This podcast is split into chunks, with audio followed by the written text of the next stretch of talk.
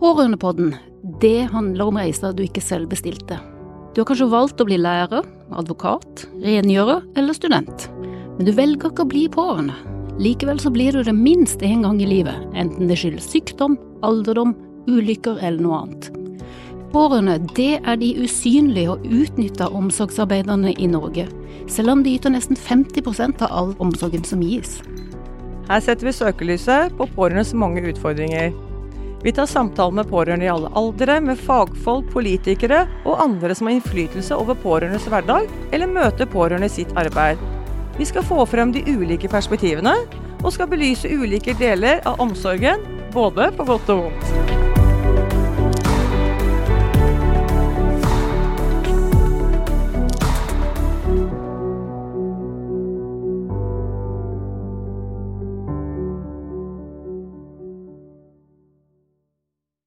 Hei! Under Pårørendekonferansen 2022 så hadde vi det vi kalte for Speakers Corner. Der kunne alle som hadde noe på hjertet, komme og få dele det med oss, og det tok vi da opp for å dele med dere her i Pårørendepodden. Så her får du litt diverse lydklipp etter hverandre fra ulike som hadde noe å dele. Vel bekomme. Hei, Karen. Hei. Hvem er du? Ja, jeg er Karen Kaasa. Jeg ble invitert hit eh, fordi jeg eh, i sin tid eh, ledet NOU 1711, som utredet situasjonen for pårørende. Jeg har vært kommunalsjef i helse og omsorg i flere kommuner, men nå er jeg pensjonist. Men jeg har hele tiden vært opptatt av pårørendes situasjon, både gjennom jobb og utvalg, men også som pårørende selv om jeg kanskje ikke er blant de som har hatt de tyngste pårørendeoppgaver. Mm. Ikke sant. Og da har vi jo en liste her med, med, spørsmål som man kan velge litt ut fra, og så er det spesielt to spørsmål som du har sett deg ut, som du gjerne har lyst til å komme med en kommentar på, eller ja. svare på. Og det første er da hvilke forbedringer ønsker du deg i samarbeid med helsetjenesten? Mm både som pårørende, men eh, ikke minst som eh, leder i kommunehelsetjeneste, så har jeg jo sett på den svakheten som den organiseringen vi har i Norge av helsetjenesten gir, både til pasienter og til eh, pårørende, og faktisk også for helsearbeiderne selv. Og det ble sagt så godt fra panelet her i dag, når de fire pårørende ble intervjuet, at det er så mange vesener som ikke snakker sammen. Du har Nav, du har kommunehelsetjeneste, du har spesialisthelsetjeneste. Og veldig mange pasienter og pårørende trenger hjelp fra alle disse eh, institusjonene. Men samtidig så har de en organisering som er så ulik at de snakker veldig dårlig sammen. Og da er det pasienter og pårørende som lider i det krysspunktet. Eh, jeg syns en eh, pårørende sa det så fint med eh, De satt i møter, og så var det Ja, men er ikke dette BUP? Er ikke dette Nav? Er ikke dette kommunens ansvar? Den opplevelsen av at man er i et dårlig koordinert system, som er helt reelt.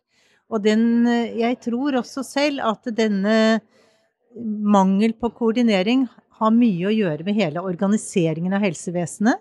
Spesialisthelsetjenesten i helseforetak med sin spesielle eh, måte å lede og styre spesialisthelsetjenesten på. Kommunehelsetjenesten, som er en del av det eh, lokaldemokratiske systemet med kommunestyrer og en helt annen måte å organisere på.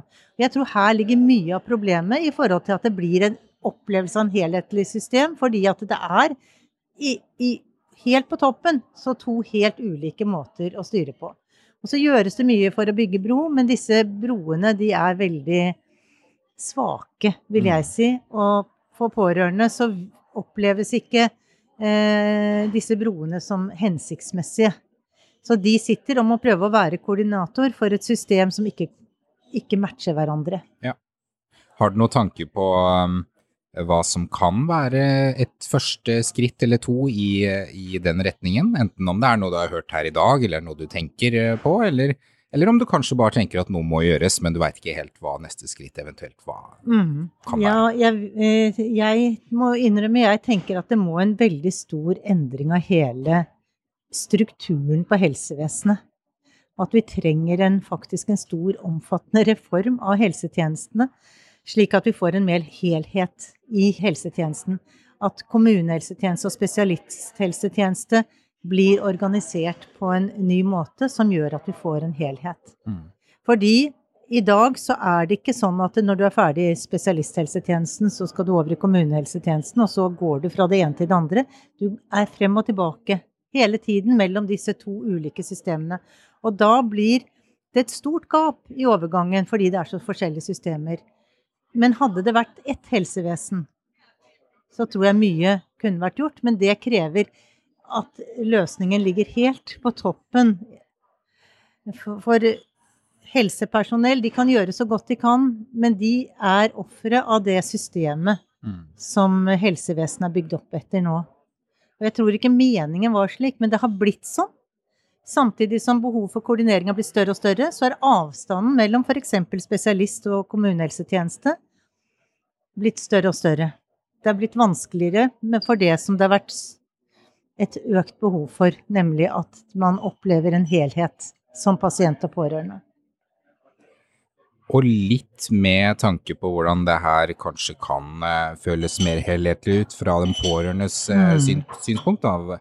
Har du noen tanker om hvordan det offentlige bør samarbeide med pårørende selv? Mm. Ja, det ble jo sagt her at man bør ha en pårørendekoordinator. Eh, og vi har jo en krav om koordinerende enhet både i kommunehelsetjenesten og spesialisthelsetjenesten. Vi ser jo det samme der, da. Det er én i kommunehelsetjenesten, én Det er ikke sammen. Så hvis man kunne klart å lage en felles eh, koordinatorrolle som så helheten, kanskje vi kunne komme et lite skritt på veien med det. For den koordinatoren må kunne koordinere både kommunehelsetjeneste og spesialisthelsetjeneste, og det er vanskelig å se med dagens organisering hvordan vi virkelig skulle klare å lykkes med det. Det er samhandlingen her som er den store utfordringen, tror jeg. Kjempeflott. Tusen hjertelig takk for innspill. Vær så god. Har du kanskje noe, eh, noe fritt ord eller noe annet du tenker du har lyst til å si òg, eller eh, var det det viktigste du ville få fram? Eh, Gi honnør til alle pårørende, og kanskje særlig til de fire som satt i panelet i dag og delte sin historie, og som sa dette med også at det, vi må beskyttes mot oss selv, fordi at man kan fort komme i situasjoner hvor man gir så mye at man tømmer seg helt og faller ut av arbeidslivet, og at vi må ha et system som gjør det mulig for pårørende å holde fast i arbeidslivet, i jobben sin, og ha nok energi til å klare den ved siden av å være pårørende. Det er kanskje all honnør til alle pårørende som står på. Og jeg håper at eh, vi får en hjelp som gjør at man kan klare å holde fast med den, den jobben man har ved siden av å være pårørende. Tusen hjertelig takk.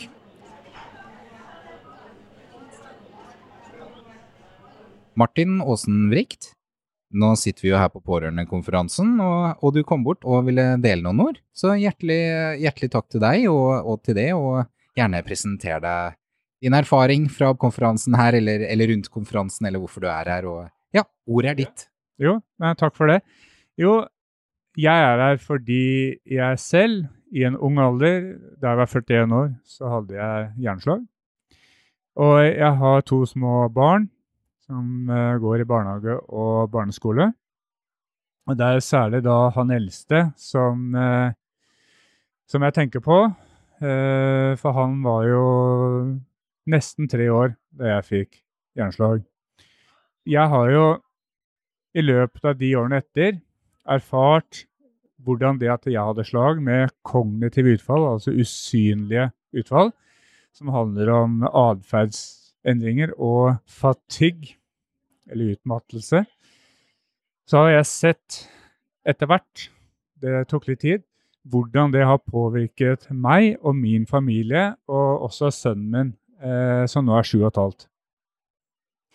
Og eh, dette har jo gjort at jeg er blitt ganske opptatt av eh, pårørende.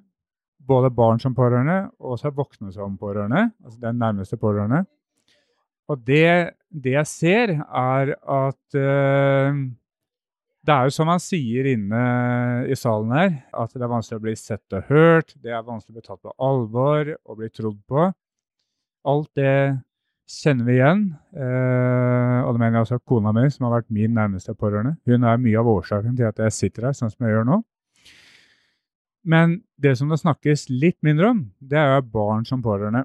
Nå vet jeg at Pårørendealliansen er opptatt av barn som pårørende, eh, og jeg tenker jo at vi må ha mer søkelys på det. For det jeg har sett, er jo hva kunne vært annerledes. For å prøve å tenke litt fremover, da. Det er jo allerede på slagavdelingen på sykehuset så mener jeg at eh, de pårørende må involveres mye mer enn de gjør i dag. Mitt inntrykk er at det er mer tilfeldig. Det er sikkert noen som blir tatt med helt fra starten, mens andre ikke. Men jeg sitter med et inntrykk av at det er ikke godt nok system som måte, ligger der.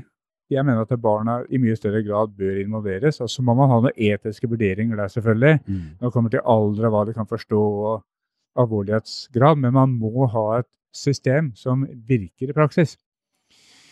For tilbake til min erfaring. Jeg var jo mye alene på slagavdelingen. Uh, altså, Kona mi var der noen ganger, ja, uh, fordi hun selvfølgelig ønsket å være der. Men det var jo mer på eget initiativ. Det var ikke sykehusets initiativ. Og en annen viktig side av det er jo hva kan du forvente når du kommer hjem. Noen kommer på rehabilitering. Jeg har vært på rehabilitering, hadde en veldig god rehabilitering. Og det må være et helsevesen som fanger opp de minste, og at de blir fulgt opp sånn at de får minst mulig helsemessig plager eller skader av at mamma eller pappa er alvorlig syk. Og selv om da mamma eller pappa kan bli friske igjen altså Jeg er jo på mange måter blitt ganske bra, men, men det må være noe som fanger dem opp. Om det så er en fagperson ute i kommunehelsetjenesten, det kan være psykolog, sosionom, ergoterapeut, sykepleier, hvem som måtte passe best til det, som da har kunnskap om i dette tilfellet da, hjerneslag eller hjerneskade, og som også kan fange opp barna og være en samtalepartner for barna. For pasienten er det i stor grad et helsevesen for. Og de pårørende er jo, som vi vet, der er jo egentlig ikke noe helsevesen. Man er jo man er den koordinatoren selv. Eh, og det er en stor belastning for særlig en voksne pårørende da, som får alle oppgavene i fanget. Og man har ikke forutsetningen for å ta dem heller. Og det slår ulikt ut. Og vi som pasienter er jo primærkilden, tenker jeg, for helsepersonell på de sidene av en sykdom eller skade som man ikke lærer om på studiet, men som er mer erfaringsbasert.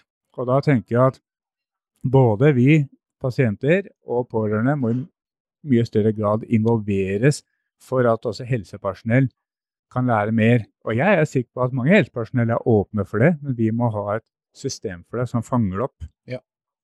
Og så er min erfaring at dette tror jeg gjelder i stor grad de kognitive sidene av en sykdom. Det man ikke ser. Fordi det som er så eh, farlig, for å si det sånn, med det som er usynlig og det kognitive, det er at man kan skjerpe seg. Altså Som pasient kan man skjerpe seg i gitte situasjoner. Om det så er sammen med andre mennesker hvor man føler at man har et forventningspress, eller man er tilbake på jobb helt eller delvis, så skjerper man seg og strammer seg opp. Og så gir man inntrykk av at ting er tipp topp. Og så kommer man hjem, og da går klaffen ned. Da er man veldig sliten.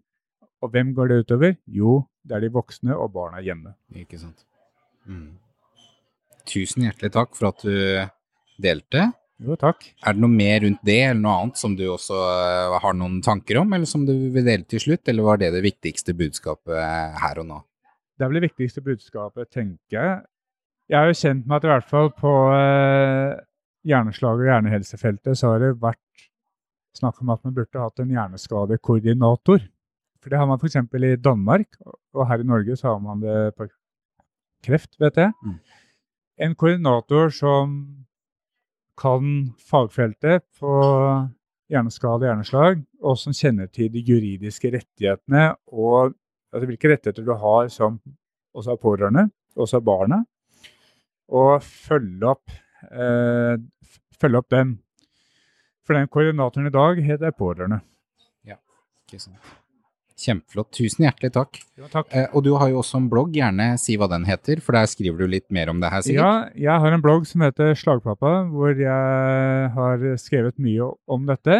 Eh, og det kommer nok også noe mer etter dagen i dag, vil jeg tro. Mm, kjempeflott. Tusen takk. Ja, takk. Hilde Magelsen, velkommen til deg. Takk. Eh, hvem er du? Jeg er en slagrammet eh, kvinne på 52. Eh, slagrammet i 2015, så nå har jeg lang fartstid. Jeg er talsperson for ungenettverket til LHL Hjerneslag. Mm. Og har også startet opp eh, LHL Hjerneslag Ung Oslo og Akershus, som jeg har hatt ansvaret fram til nå. Ja, Ikke sant. Du eh, sto her og du hørte hva Martin sa, eh, som kom rett før deg her. Og du hadde også noen tanker rundt eh, noe av det han sa, så eh, gjerne, gjerne del med oss. Ja. Gjennom LHL Hjerneslag så har jeg fått lov å være med på Stortinget tre-fire ganger, hvor mye av det jeg taler for der, det er jo en hjerneslagkoordinator. Det er blitt snakk om her at man trenger en pårørendekoordinator. Men har du en hjerneskadekoordinator, vil jeg jo kalle det, Mm. som jeg ønsker at kommunene skal ha, så vil det også innebære den eh, kontakten som de pårørende trenger. Og som man snakka om her, med sosionom, økonomisk eh, Sånn som selv er jeg ufør, har jeg vært siden eh, oktober 2018. Det er mange ting som spiller inn når man blir syk, både den som blir ramma og de pårørende. Og jeg er enig med Martin at den pårørende, eller den hjerneskadekoordinatoren kan omfavne de pårørende òg, som er veldig viktig. For jeg også hadde barn som bodde hjemme da jeg eh, ble syk. Sånn at det er mange involverte rundt en som blir skada. Og med den koordinatoren så mener jeg at man kan innfavne ganske mange roller, eller mange som kan henvende seg til den ene koordinatoren. Mm. Mm. Ikke sant. Kjempeflott. Tusen hjertelig takk. Bare hyggelig. Er det noe annet her også du har noen tanker om, som kanskje går på noe annet rundt det her òg, eller, eh, eller var det det? Nei, jeg er også opptatt at eh, For jeg kjenner jo veldig mange unge slagrammede som eh, er i yrkesaktiv alder da de får slag. Og da er det utrolig viktig at barn blir involvert helt fra start. Og som det har blitt sagt på konferansen her nå, det er å bli spurt. De pårørende blir spurt allerede i akuttfasen. Er det barn inne? Jeg har vært sent i gang med rehabilitering. Det kom jeg ikke til før fem år etter slaget. Og der ble jeg spurt om jeg hadde barn under 18 år boende hjemme. Og det hadde jeg ikke da, men det spørsmålet fikk jeg jo aldri før det har gått fem år. Nei, Og da var jo sønnen min over 18, han som bodde hjemme den gangen. Så det er sånne ting som bør tas opp mye tidligere. Så den rollen som Pårørendealliansen gjør nå, er utrolig viktig. Eh, og jeg håper at de når gjennom med flere gode saker som de har på agendaen nå. Kjempeflott. Tusen hjertelig takk også. Hei, Britt. Hei, hei. Du eh, kom og sa at du hadde en appell, Ja, det har jeg. så da vil jeg gjerne høre hva du har på hjertet. Gjerne ta en rask introduksjon av, av eh, hvorfor du er her i dag, og så, og så kom appellen din. Ja, jeg er her eh, for å høre litt om pårørende, og hvordan man kan gjøre det best for pårørende. Så klart, eh, veldig interessant å ha vært så langt. Jeg er jo pårørende selv til en spilleavhengig. Og jeg heter Britta, og jeg jobber som erfaringskonsulent i Spilleavhengighet Norge. Eh, mitt ansvar er svarkjeden. Og jeg snakker med spilleavhengige og pårørende nesten hver dag. Jeg snakker med fortvilte pårørende, og jeg snakker med spillere som bruker hele lønna si og i tillegg låner penger for å spille. Det er ikke lov til å spille for lånte penger i Norge. Allikevel så skjer det hele tida.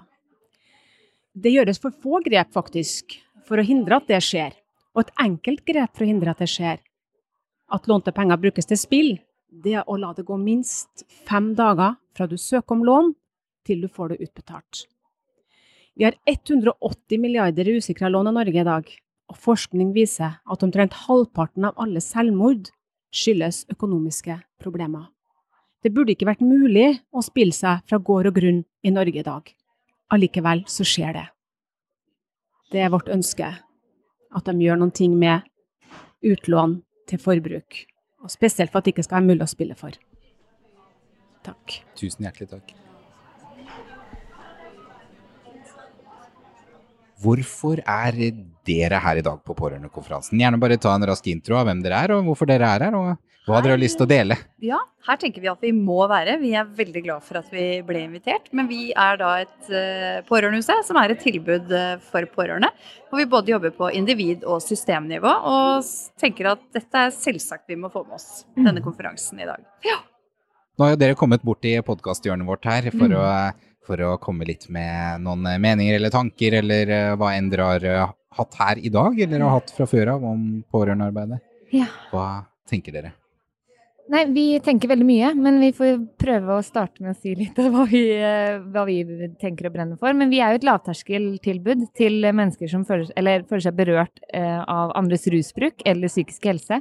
Så det er litt den, eh, det pårørendeperspektivet vi kommer til å prate om nå. Eh, og vi jobber og snakker mye om diskurser i samfunnet. Altså de tatt for gitte sannhetene som oppstår når vi prater med hverandre rundt om i samfunnet, eller både på små kollegaskapet, eh, vennskap, familier, så oppstår det sannheter som vi lever etter. Og disse sannhetene er eh, pårørende til eh, mennesker som er syke av rus eller psykisk helse. Ofte liksom dytta litt inn i, fordi disse, disse tatt for gitte sannhetene om at f.eks. Rusavhengige har hatt en forferdelig barndom, eller Ja, det er mange. At, at, det, går, at det knyttes tilbake til at det er familien da, som er Eller de pårørende, ikke sant, som har eh, mye skyld i eh, den som er syk av rus. Mm. Og det ser vi jo hver dag med de som kommer til oss. Vi ser at det er en utfordring å nå de pårørende innenfor rus og psykisk helse kontra kanskje andre typer sykdom. Og en av våre teorier bak det er jo nettopp det Tonje er inne på, med disse tatt for gitte sannhetene. Og det var jo bare ikke så lenge siden, i 2001 tror jeg, da Bent Høie var helseminister, så fikk du liksom forsterket den da han får spørsmål en gang om liksom, ja, hvem er disse rusavhengige? Så sier han nei, unntaket er de som ikke har familier hvor de er utsatt for alvorlig overgrep, vold, og har hatt en dårlig barndom. Og den dagen kom det jo ekstremt mange pårørende inn til oss som følte liksom at disse tatt for eh, gitte sannhetene var enda mer forsterket av en person som har så stor makt i, i samfunnet. Så det jobber vi masse med. Vi reiser rundt på ulike arbeidsplasser og prøver å få ansatte til å grave i sine egne fordommer for å få opp disse samtalene og begynne å snakke om hvordan er det vi snakker om denne mammaen som ringer til dette hospitset og er fortvila for sønnen hennes, hun vet ikke hvor han er. Eller eh, hvem er denne pappaen som ringer? Er det en pappa som har utsatt sønnen sin for overgrep? Vet du det? Eller har du, inviterer du han inn til samarbeid, eller prøver å undersøke hvem denne personen er? Ja. Kan dere komme med noen eksempler på, på noen sånne forutatte holdninger, eller eh, Det er jo litt sånn um, Dette med barndom sånn um, Når, når f.eks. ringer en mor 30 ganger i løpet av en dag, og det legges på, og så går jeg til mine kollegaer på et midlertidig botilbud for uh, mennesker i aktiv rus f.eks., og hvordan prater jeg med kollegaene mine om den telefonsamtalen jeg nettopp har hatt? Hva sier jeg? Eh, sier jeg 'Å, nå er det 30. gangen hun har ringt, og skjønner hun ikke at vi ikke kan?' Eller skjønner hun ikke, eller skjønner han ikke? Eh, og så da skaper jeg liksom en, en, eh, en trend, eller liksom en, et, et bilde av denne moren som ikke er så noe hensiktsmessig for noen. Ikke er det hensiktsmessig for de som jobber der og kollegaene mine, og ikke er det hensiktsmessig for den moren. Istedenfor å eh, da, da har vi jo taushetsplikten, som, som kan være utfordrende i disse situasjonene. Dersom ikke de som er, eh, bor på dette midlertidige botiltaket har noe lyst til at jeg skal prate med de pårørende. Men det er fortsatt mye jeg kan si. Mm. Jeg kan si dersom eh, sønnen, datteren, broren din bor her, så gjør vi disse, disse tingene. Vi gir mat, vi har, vi, de har muligheten til å gå ut, vi hjelper dem med å vaske rommet. ikke sant? Vi går inn tre ganger hver dag for å sjekke hvordan det står til. Som også kan være med på å trygge den som ringer. Og det går også an å si hvordan er det for deg å være i denne situasjonen? Uavhengig egentlig om eh, personen pårørende ringer etter, eller bor her eller ikke. Så, så går det an å lage en, en dialog om jeg, jeg, liksom, jeg hører at du, du er eh, på, jakt etter informasjon. Jeg kan nok ikke gi deg akkurat den informasjonen du er på jakt etter. Og så går jo også an å gi, gi informasjon om tilbud som denne pårørende kan ringe for å få hjelp til å prate om sin egen situasjon. Ikke sant? Så det, hvis det var et svar på ditt spørsmål. ja, ja, absolutt. Alt som kan være med For nå, nå snakker vi jo med mange folk her som står i ulike situasjoner, så bare generelt sett hva som kan hjelpe, med, hjelpe de som lytter med å forstå situasjonene. Så. Ja. Og et, et punkt til. Når vi snakker om pårørende, nå er det blitt sagt i dag at det, ressursbegrepet er vi ferdig med, men jeg har også behov for å si at det der å bli sett også, det, det blir litt sånn ovenfra og ned for, for min smak. For jeg tror veldig sjelden at pårørende har så veldig stort behov for å stå på en scene og motta applaus for den jobben de gjør. For det er så selvsagt i en situasjon hvor vi er mødre, vi er fedre, vi er søsken, vi er naboer, vi er venner. Vi er der fordi vi bryr oss om personen. Så det å faktisk bli tatt med som, som en delaktig part, bli tatt på alvor for den kunnskapen man har om personen som eh, det gjelder, det tror jeg liksom vi må fremsnakke mye mer enn dette blir bli sett. Fordi det er for alvorlig til å liksom snakke om det, syns jeg. Mm. Ja, og da refererer vi jo til det at, eh, som det ble sagt på scenen, noen føler at de ikke blir sett eller Mm. blir anerkjent for den jobben de gjør. Mm, mm. Mm. Ja. ja, så tenker jeg at det, med disse, for eksempel, eller som vi snakker om da, innenfor rus og psykisk helse, så kommer de, kommer de pårørende. Og det er veldig mange like i gåseøynene, like historier. Eh, det har kanskje noen, eller veldig mange sam, eh, like, hva heter det? Eh, Historiene ligner på hverandre. Ja, de ligner veldig på Mm. hverandre. Jeg tenker at det, Den holdningen med at hver og en historie er unik, sant? opplevelsen av historien eller situasjonen er unik for et par. En mor og en far opplever denne situasjonen helt annerledes. Eh, Søsken opplever den helt, helt annerledes. Så det å ha en holdning om å spørre, tørre å spørre hvordan er dette for deg, for den er ikke lik for deg som det er for din bror eller søster eller mor eller far eller det tenker jeg også er kjempeviktig. Vi har også et begrep som vi hører mye av de som kommer til oss, som er medavhengighet. Det ordet kan være kjempenyttig å, å bringe inn til pårørende som et perspektiv på at det, liksom, de, handlingene du gjør, er kanskje med på å opprettholde rusbruken eh, eller den uhensiktsmessige oppførselen eller liksom, sykdommen til den du er pårørende til. Men for mange så oppleves det som enda mer trykkende, liksom, enda mer skyld, enda mer skam. Og da blir det også vanskeligere å prate om, fordi hvis vi på en måte åpner opp den, dette begrepet, hvis vi liksom bryter ned begrepet medavhengighet, så det vi ser da er omsorg, det er kjærlighet, det er vi bryr oss til enhver tid døgnet rundt. Og da må vi passe på å gi liksom, å putte mennesker inn i denne båsen medavhengighet. Vi må vite at det er nyttig, og ikke putte de som det ikke er nyttig for. Da skal de ikke være i den boksen. For da, vi må snakke om ting på en konstruktiv måte som er til, hjelp for den enkelte vi møter. Det tenker jeg er veldig, veldig viktig. Mm. Kjempeflott. Er det noen flere tanker dere har da, eller noe mer dere vil dele, eller var det det for nå? Ja, nei, det er vel kanskje fint at dere åpner opp her i dag, og at eh, det er mulig, muligheten til flere å komme. For jeg tror at vi trenger mange tilbud, eh, sånn at folk føler at de finner sin hjelp. For det er jo et felt uten fasiter, og et eh, felt uten på en måte oppskrifter. Og i det så famler vi litt alle, tror jeg. Men derfor så er det fint at vi møter folk der de er, med sine unike historier, og at vi er et differensiert tilbud. tilbud. Ja. Kjempeflott. Tusen hjertelig takk. I like måte. Takk. Trine Wenberg Svendsen, Yes. velkommen til deg. Takk. Og takk for at du kom bort i lille hjørnet vårt her. Ja. Først og fremst, eh, bare gjerne introduser deg raskt, og så, og så kan du dele med oss hva du hadde lyst til å dele med oss. Ja. Jeg for så vidt eh, representerer NFA, eh, Norsk forening for analatresi, men også som pårørende mamma. Mm. Mm. Og da er det jo ofte en hel familie bak, som også er pårørende. Eh, og det jeg egentlig har lyst til å løfte ordentlig frem, som er Det blir snakka mye om det, men jeg har lyst til å påpeke hvor viktig det er at i hvert fall inn mot barn, jeg tror det gjelder alle, men jeg har et barn med omfattende eh, behov, og det er å få plassert ansvaret. Hvem har ansvar for hva? Jeg tror jeg bruker altså enorme krefter og tid på å løpe etter eh, innad i kommunen eller på skolen eh, hvem som har ansvar for hva. Hadde det vært klarere, så, eh, så tror jeg livet hadde vært ganske mye lettere. Og ikke minst at kommunen følger de lo, altså lovene og reglene som faktisk er der, for å beskytte både eh, mitt barn som funksjonshemma, meg som pårørende, min familie, i det hele tatt. Da tror jeg også flere pårørende faktisk ikke selv blir syke. Det snakker de også mye om her i dag. at ut av én eh, syk, på en måte, så blir det gjerne flere innad i en familie. Eh, det er jo ingen god samfunnsøkonomi. Og så har jeg lyst til å benytte anledningen å løfte opp eh, helse i skole.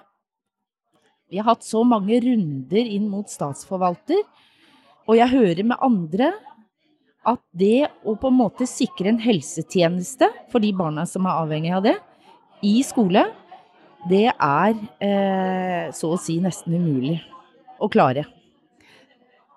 I hvert fall å sette ansvar, for det er litt sånn som eh, disse i Pårørendealliansen også sier nå, at, at hvis det ikke kommer på et ordentlig systemnivå, altså hvem har ansvar for hva, så blir det veldig vanskelig å eh, sikre en tjeneste.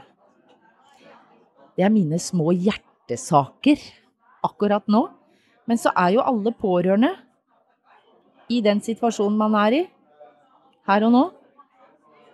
Og det vil jo selvfølgelig endres. Men jeg har så lyst å være pårørende. Jeg har så lyst å være Også ha tid til å være en god mamma.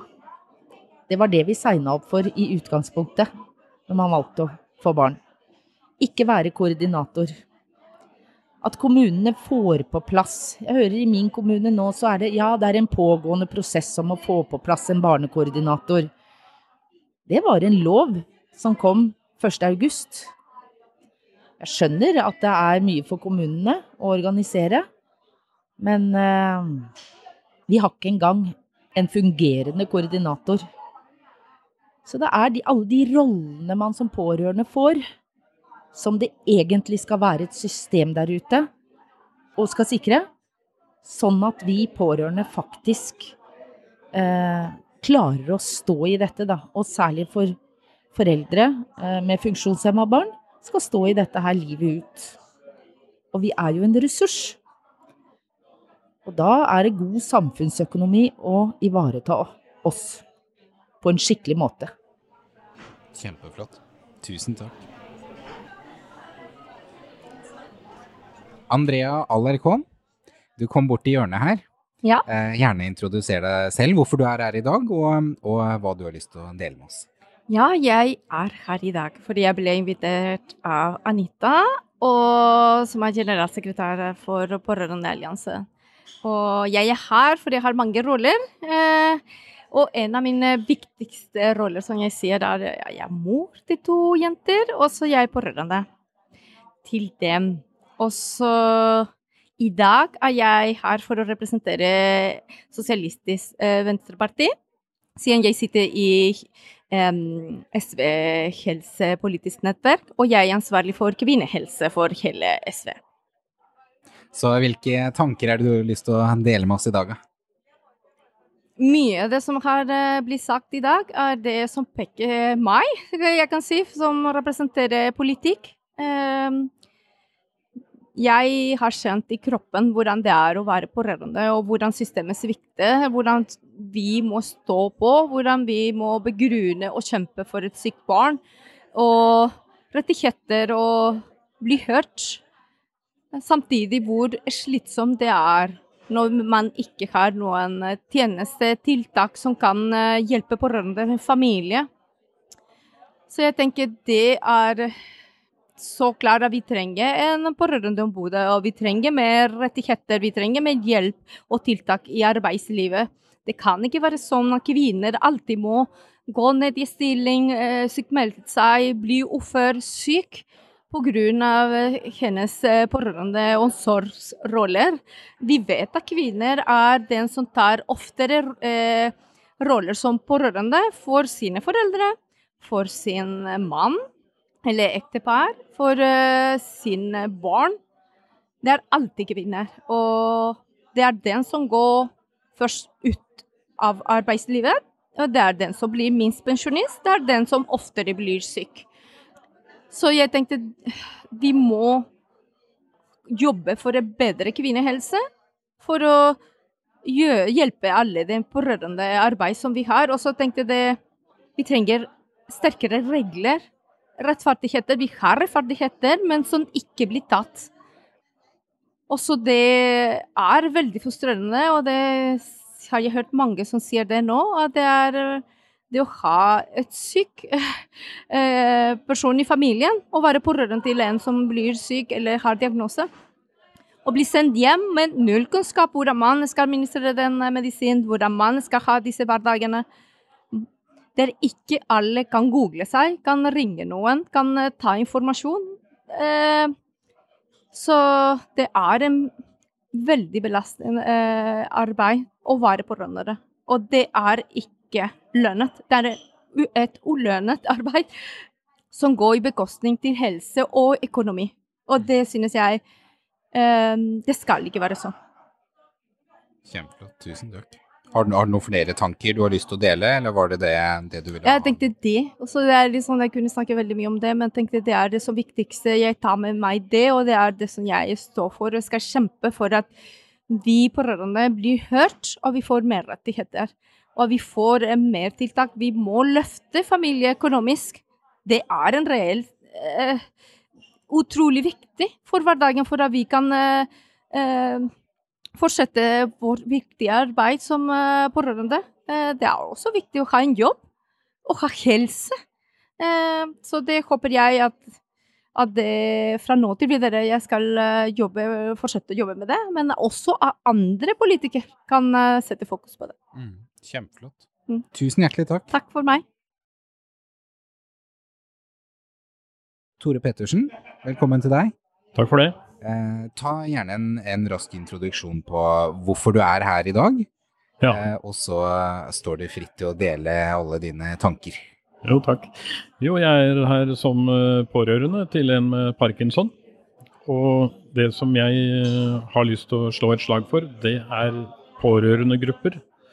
Hvor eh, jeg er jo likeperson i Parkinsonforbundet for pårørende. Og det å komme sammen i grupper, det fungerer veldig bra.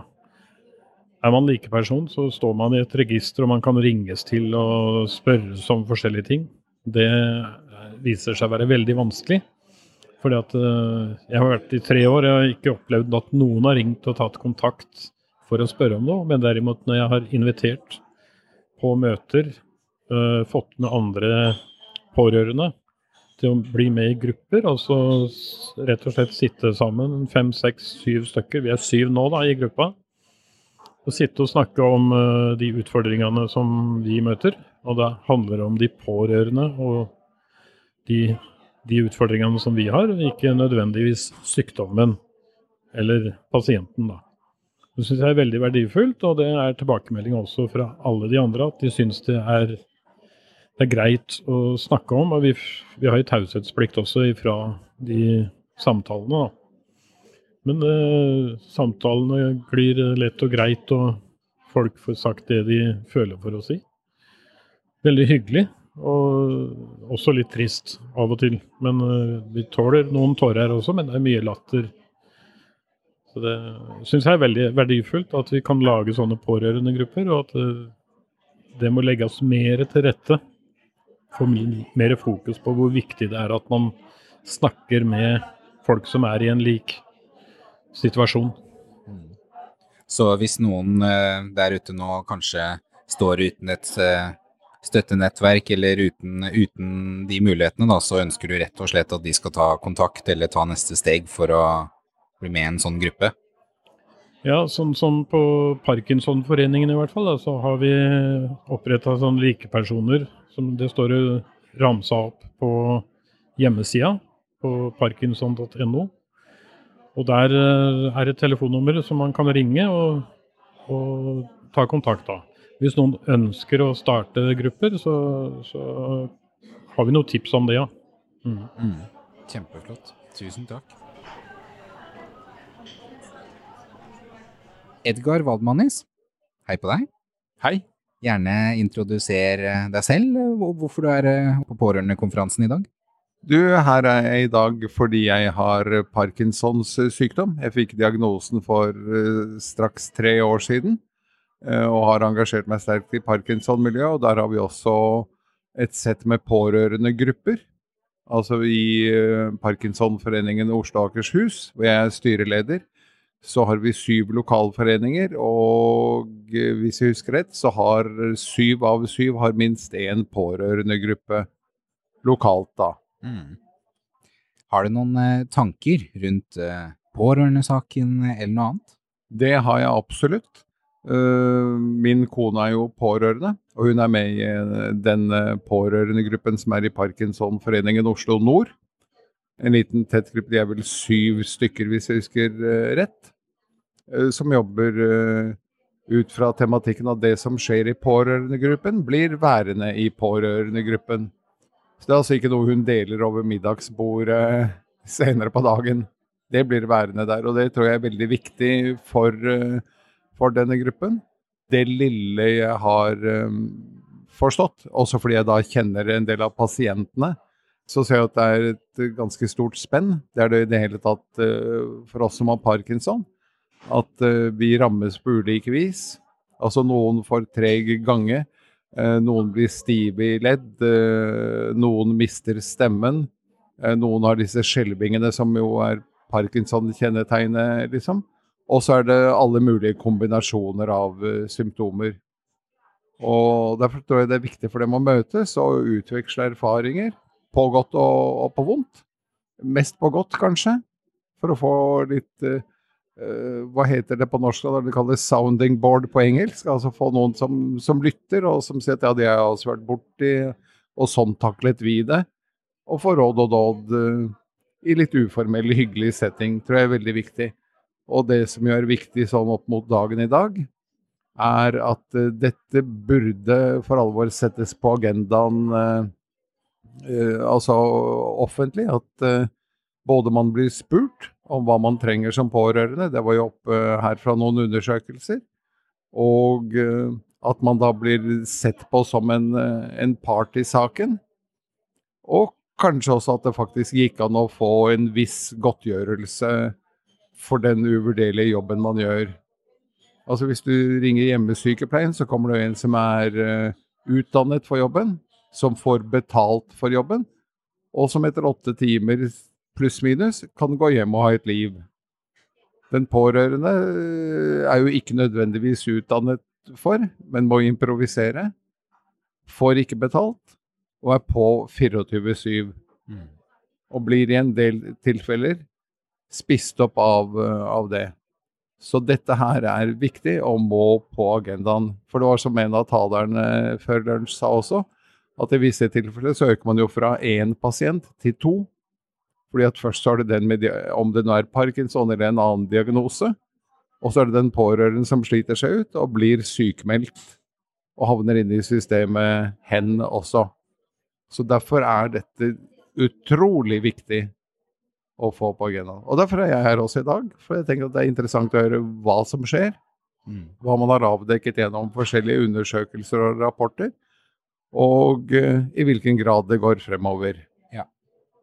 Hvis du, eh, hvis du nå hadde tatt en prat med kona di eh, litt tilbake i tid, når det her først starta, hvilke tips ville du gitt til kona di som pårørende? Jeg ville nok gitt henne det tipset hun klarte å utarbeide selv, at hun selv oppsøkte en pårørendegruppe, eller meldte seg som interessert. Dette var jo rett før pandemien. Pårørendegruppen i Parkinson Oslo Nord var under etablering. Og så sa Tore Pettersen, som er primus motor, sa at dette krever ansikt-til-ansikt tilstedeværelse i samme rom kan teoretisk gjøres på Zoom eller Teams eller lignende, men blir ikke bra. Så det, han slo liksom bakk i maskinen og ventet til uh, det var lov å møtes igjen. Men som sagt, min kone var veldig tidlig på å si at det vil jeg være med i. Og da slapp jeg å gi henne noe råd, for det var Det tror jeg er det viktigste, at pårørende også engasjerer seg Altså, de blir engasjert. Uansett hva man tror, så blir de jo dratt med. De blir en part i saken, enten de vil eller ikke. Og da kan det være like greit å være proaktiv og, og ta initiativ og si at å ja, der er det sånn pårørendegruppe. Og hvis det ikke er en, så lag en, da. Mm. Ta et initiativ selv og si at jeg kan starte en pårørendegruppe. Jeg kan ingenting om det, men det blir sikkert ja. Og Pippi-løsningen som siteres veldig ofte nå. Det har vi aldri gjort før, så det blir sikkert bra. Ja. Og jeg tror at sånn er det også. Hvis du først setter i gang, så tror jeg sikkert de fleste pasientgrupper har en eller annen type forening av et eller annet slag, hvor det sitter fagfolk som uh, syns det er glimrende at pårørende melder seg på banen, og som gjerne hjelper til med altså, organisatorisk uh, tilrettelegging uh, på alle måter. Så det er bare å rekke opp hånda og si at uh, da kan jeg. Det vil jeg. Du har hatt en podkast hvor du snakker litt om noen av disse tingene. Ja, det har vi. Hver torsdag legger vi ut nye episoder av podkasten utafor, men innafor. Veldig enkelt å huske, for med Parkinson-diagnose så er du litt utafor. Men hos oss er du innafor. Mm. Derav navnet. Og uh, hver uke har vi en ukens gjest, som både kan være en pasient med Parkinson-diagnose, det kan være en behandler, uh, altså logoped, fysioterapeut, ergoterapeut uh, eller lignende. Og det er med jevne mellomrom også en pårørende som er ukens gjest, og som forteller hvordan hen oppfatter situasjonen og lever med sin parkinson. Så koble deg på utafor, men innafor. Og så lærer du mer om uh, sykdommen, og så hører du hvordan vi takler dette i vår verden. Kjempeflott. Tusen hjertelig takk, Edgar. Bare hyggelig.